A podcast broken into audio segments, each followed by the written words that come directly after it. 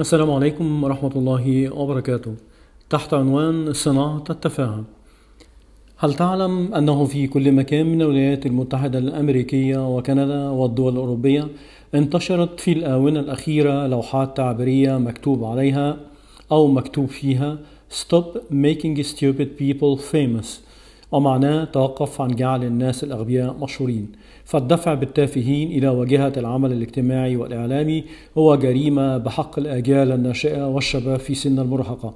فلو أخذنا جولة مطولة على حسابات المشاهير الجدد في مواقع التواصل الاجتماعي لوجدنا أنها تشترك في سمة واحدة فقط هي اعتمادها على صناعة التفاهة أو ما يطلق عليها الاستهبال. قفز ورقص وصراخ وأصوات غريبة. تكلم بلا, بلا معنى سيستمعون لك. وتأكد ستشتهر وستجد من يصفق لك. وبعد أن يتجاوز. وبعد أن يتجاوز عدد متابعيك مليون ستنهال عليك عروض الاستضافة في وسائل الإعلام والمهرجانات. وماذا بعد هذا الحدث؟ أخلاق تنحدر ثقافة تتسطح جيل ضائع. ومن المسؤول عن هذا كله. كلنا مسؤولون من أفراد ومؤسسات ومؤسسات ومجتمع. فلنتوقف جميعا عن جعل الأغبياء مشاهير بعدم النشر.